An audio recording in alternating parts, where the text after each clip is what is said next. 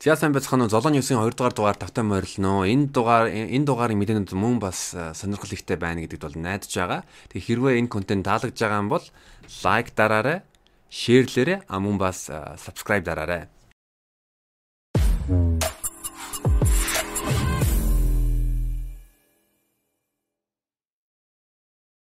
Оросын Спутник вакцин бас өөр юмнаас имчилж магадгүй. Жишээ нь архинаас За Роспотреб э, надзор бол Оросын засгийн газрын хэрэглэгчдийн эрх болон хүний аюулгүй байдлыг хяндаг байгууллага.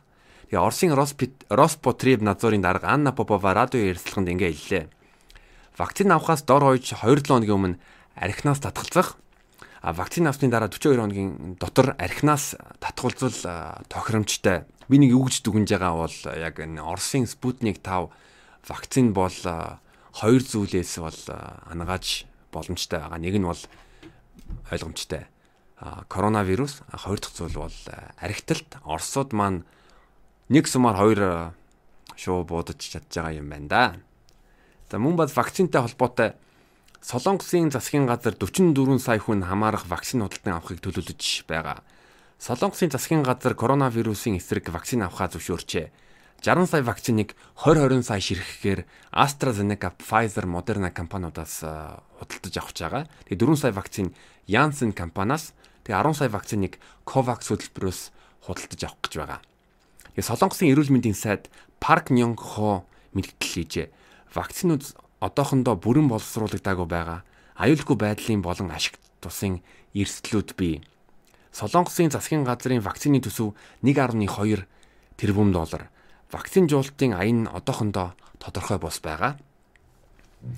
Түүнтэй холбоотой мэдээллийн дутмаг байдлаас Швейцар улс корона вакциныг батлаагүй. Swiss Medic бол Швейцарын хараат бус төрийн байгууллага Швейцарын зах зээлд худалдаж байгаа эмийн бүтээгдэхүүнүүдийг баталгаажуулдаг байгууллага юм а. Тэгээ Swiss Med-ийн баталгаажуулалтын нэгжийн дарга Клаус Болт ингэж хэлжээ. Биднэрт клиникийн туршилтын үр дүний мэдээ дутмаг байна бас энэ том судалгаанд оролцсон хүмүүсийн ангиллын чухал мэдээ дутмаг байгаа. Тэгээ Швейцарын Swiss Medic-ийн хүсэж байгаа мэдээлэл бол судалгаанд орсон хүмүүсийн өмнөх хүчин эмгэгийг мэдээл эмгэгийн тухай мэдээлэл. Ийм хурдан боловсруулсан вакцины үйлдвэрлэл үйлдвэрлэгч болон энэ баталгаажуулдаг байгууллагаас итгэлцлийн өндөр түвшин шаардагддаг. Тийм болохоор олон төрлийн хүмүүст хэрхэн нөлөөж байгааг судлах хэрэгтэй гэжээ. Түүнтэй холбогдуулан өмнөх 7 хоногт Их Британи а бас Орос ард иргэдээ вакцин жуулж эхэлсэн. А гэхдээ коронавирусын вакцинууд нь бол вакцинууд нь бол маш богинохон хугацаанд боловсруулагдсан. Одоо жишээ нь дийлэнх вакцинууд бол 7-оос 10 жилийн дотор боловсруулагддаг. Харин энэ удаа бол вакцинууд маш богинохон хугацаанд боловсруулагдаад зах зээл дээр гарах гэж байгаад байгаа. Тэг үүнтэй холбогдол нь би бас сонирхолтой мэдээлмээр байна. AstraZeneca гэрээлсэн дийлэнх улсуудтай бүтээгдэхүүний хариуцлагаас хамгаалах заалт хийжээ. Руд Добер AstraZeneca компанийн ахлах менежментийн багийн гишүүн Reuters мэдээллийн агентлагт ингэж хэлжээ. Энэ онцгой байдалд биднэрт компаниараа эрсдэл хүлээх боломжгүй. Хэрвээ вакцины 4 жилийн дотор харш нөлөө үзүүлэх юм бол хийж байгаа гэрээнүүдтэй бид нар нөхөн төлбөр асуудаг. Дийлэн улсууд энэ эрсдлийг үүрхийг зөвшөөрдөг. Яагаад гэвэл энэ бол тэдний үндэсний ашиг сонирхол. За энэ мэдээ юу хэлж байгаа вэ гэвэл AstraZeneca компани тухайн улстай гэрээ зурдаг. А тэгээ тэр тэр улсад юу ямар гэрээ зурхыг одоо хүсдэг вэ гэвэл одоо энэ коронавирусын вакцины одоо гаж сүрэг нөлөөгийн нөлөөний хариуцлагыг AstraZeneca үйлдвэрлэгч компани хүлээхгүйгээд а тэр хариуцлага хариуцлагыг нь харин тухайн улс нь үүрээд үүрээд явах тийм гэрээ гэж ойлгож ойлгож болно. Тэгэхээр юу хэлж байгаа юм бэ? Үйлдвэрлэгч компани бол хариуцлагыг эрсдлийг хүлээхгүй байгаа. Энэ тохиолдолд та хэрвээ вакцин жуулахыг хүсэж байгаа юм бол сайн судлаад эмч болон эрүүл мэндийн мэрэгчлэнүүдтэй зөвшөлдөж байгаад зөвшөлдөж байгаад а вакцины хийлэх хийлэхгүй шийдвэрийг гаргахаарэ гэдгийг уриалж байна. А бас одоо жишээ нь хүн болгон сайхан сэтгэлтэй а хүн болгон бас яг хуу хөний төлөө эсвэл хүн төрөлтийн төлөө байдгүй гэдгийг бас баталмаар байна. 2003 онд AstraZeneca Pharmaceuticals LP эрүүл мэндийн гэмт хэрэгт бурууга хүлээж 355 сая доллар төлбөр төлөхийг зөвшөөрсөн. 2009 онд Pfizer заллан мэхэлсэн маркетингээс болоод 2.3 тэрбум доллар төлөхийг зөвшөөрсөн. 2.3 тэрбум доллар. 2011 онд Pfizer Detrol имийг хууль бус маркетинг хийснээс 14.5 сая доллар төлөхийг зөвшөөрсөн. Тэгээ вакцин цоошин вакцин амун бас цоошин вакцинтай холбоотой зарим байгууллагууд одоо хүмүүсээс вакцинжилтыг шаардж эхэлсэн.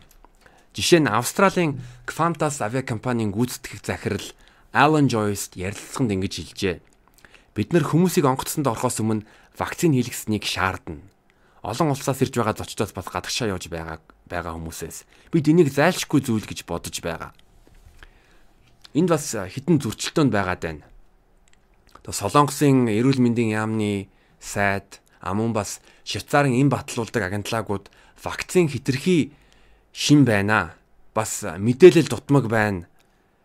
Тэгээд ийм ийм олон шалтгаанаас бол вакцинжуулалтын аянаа их аянгаа эхлүүлээгүй байгаа. Харин жишээ нь Qantas авиакомпанийн гүйцэтгэх захирал бол одоо хүмүүсээс бол вакцинжуулалтыг шаардаж байгаа. А энэ бол маш аюултай ягаад гэвэл бид нар вакцины сөрөг нөлөөг бол одоохондоо бол мэдгүй байгаа. Тэрийг бол ирээдүйд л мэднэ. Тийм болохоор энэ тал дээр бас энэ контентийг үзэж байгаа та бүхэн эрүүл мэндэд анхаарал сайн судалгаа хийгээд а мөн бас ятгах тусам нэгтэл шиг адилхан өөрийнхөө эрүүл мэндэд хариуцлага хүлээж аваад вакцины талаар сайн мэдээлэл яг зөв их сурвалжаас мэдээ хайгаараа гэдгийг би хүсэж байна. За ингээ вакцины сэдв ингээ дууслаа.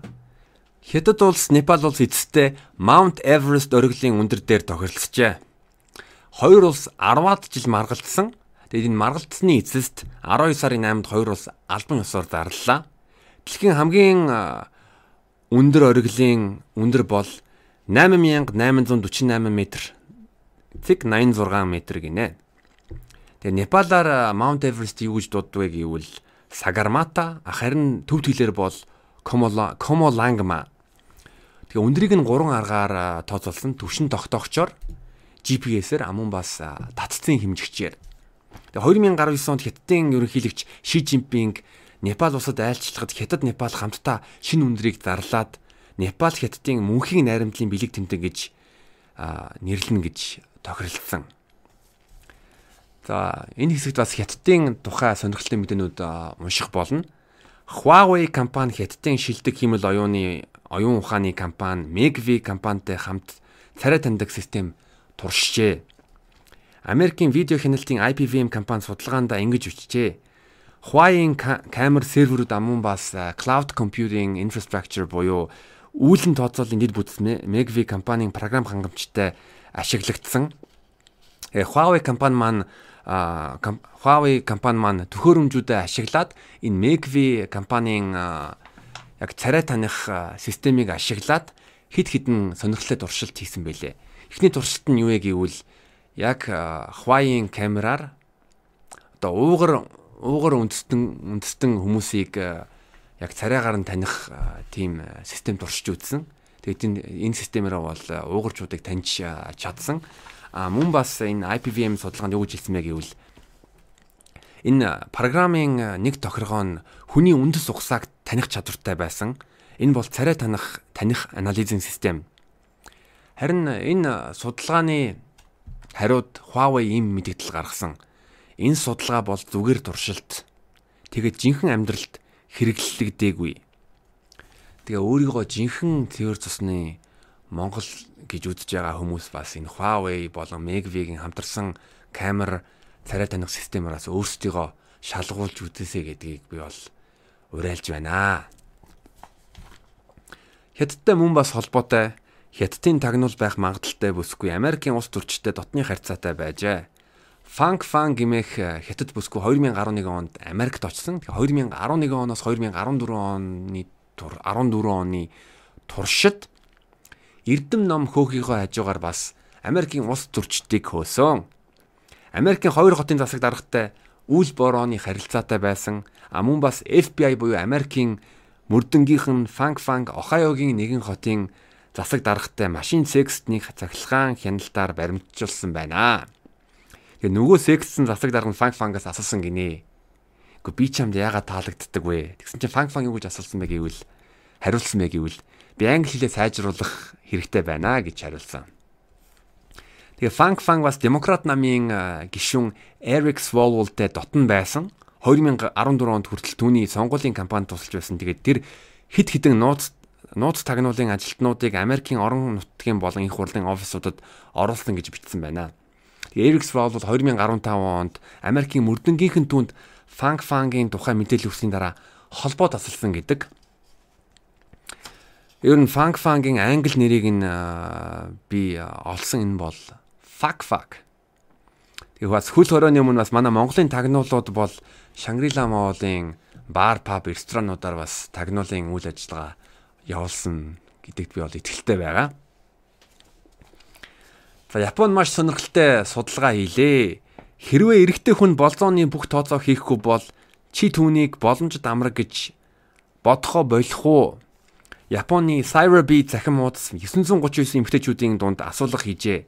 Япон бүсгүйчүүдийн 25.8% нь хэрвээ эрэгтэй нь анхны болзооны тооцоог төлөхгүй бол хоёр дахь болзоо бол цагийн гарц юм байна гэж хэлжээ.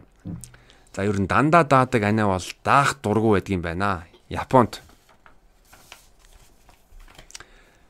За хүний мууд дуртай Монгол хүн гэж ярьдаг юм бол бас яг хүний мууд дуртай хүмүүс бас сайхан мэдээ дурднаа.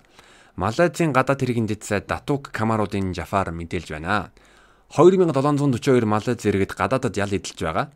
Тэгээ 1434 хүн буюу 52 нь 52% нь хар тамхины хэрэгт 406 хүн буюу 15% нь заллин луураар 130 132 хүн буюу 5% нь хуурамч кредит картны хэрэгт 89 хүн буюу 3% нь гайлын зөрчлөөр 66 хүн буюу 2% нь хилд зөрчих хэрэгээр За Малайзийн засгийн газар болон гадаад хэргийн яам үргэлж гадаад байгаа Малайз иргэдийн амгалан байдал дээр санаа тавьдаг гэж мэдгдэжээ. Мөн үргэлж тохиромжтой дэмжлэг үзүүлэхэд бэлэн. Тэгээ 1963 оны Венийн консулын харилцааны конвенцийн дагуу хоригдсан талаар хамаатан цаданд мэдүүлэх хоригдсан хүний эрүүл мэнд аюулгүй байдал мөн тав тух үргэлж хангагдсан байна гэдгийг баталгаажуулах. Тэгээ Малайзийн хар тамхины 8 ачт бол тэгээ хувийн хөвшлэг байдаг. Харин манай манай зарим гадаадд баригдсан Монгол хар тамхич хар тамхины 8 жишээд маань бас тэ дипломат ногоон паспорттай байдгийг та бүхэн сайн мэдж байгаа хаа. За бас боловсрал ярихгүй бол бас болохгүй. Олон улсын математик шинжлэх ухааны чиглэлийн 2019 оны тайлан нийтлэгдлээ.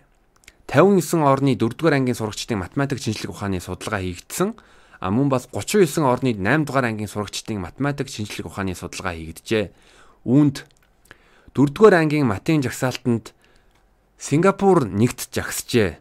1000 оноогоос дундаж оноо нь 625, хоёрт Гонконг дундаж оноо 602, гуравт Солонгос дундаж оноо 600, харин 8 дугаар ангийн математикийн жагсаалтанд нэгт бас л Сингапур улс зогсжээ. 1000 оноогоос дундаж оноо 616, хоёрт Тайваны Тайпей дундаж оноо 612, гуравт Солонгос дундаж оноо 607. Монголчууд IQ-гаараа дэлхийд 5-д жагсаж байгаа гэдэг мэдээллүүд бол сошиал медиагаар мэдээлж байсан. Гэтэ зөвхөн Монголд а манай монголчууд энэ жагсаалтанд хаана байгаа вэ? Бас манай Монголын боловсролын яам энэ дэр бас тэг хуучин эцэгчд энэ дээр бас анхаараарэ гэдгийг э, мэдүүлмээр байна. За хамгийн сүүлийн мэдээ BTS-ийн ахлагч RM хэрхэн англи хэл сурсан бэ? Тэгээ BTS хамтлаг дэлхийд солонгос хэл соёлоо таниулж байгаа. Тэгээ BTS хамтлагийн ахлагч RM яаж англи хэл сурснаа? Сурсныхаа талаар бол ярьсан. Яаж сурсан бэ гэвэл Friends Америкийн олон ангит киног үзээд анх үзэхдээ бол солонгос хадмалтай, хоёр дахь удаа үзэхдээ бол англи хадмалтай, гурав дахь гурав дахь удаа бол ерөөсөө англи англич хадмалгүй солонгос хадмалгүй үзсэн гэж хэлж байгаа. Тэгээд French-ийг үзээд англи хэл сурсан гэж хэлсэн байгаа. А BTS-ийн яг нэрийг монгол хэл рүү орчуулчих юм бол ингэж ийм ингэж ийм утгатай юм байлээ. Сум нэвтэрдэггүй scout хүүгүүд харин бол англиар бол bulletproof boy scouts. За тэгээд мэдээ маань мэдээ мэдээ маань ингээд өндөрлөө. Хэрвээ энэ контент та бүхэнд таалагдж байгаа юм бол лайк дараарай, шеэрлээрэй, а мөн бас subscribe дараарай. За баярлалаа дараагийн дугаард уулзцгаая.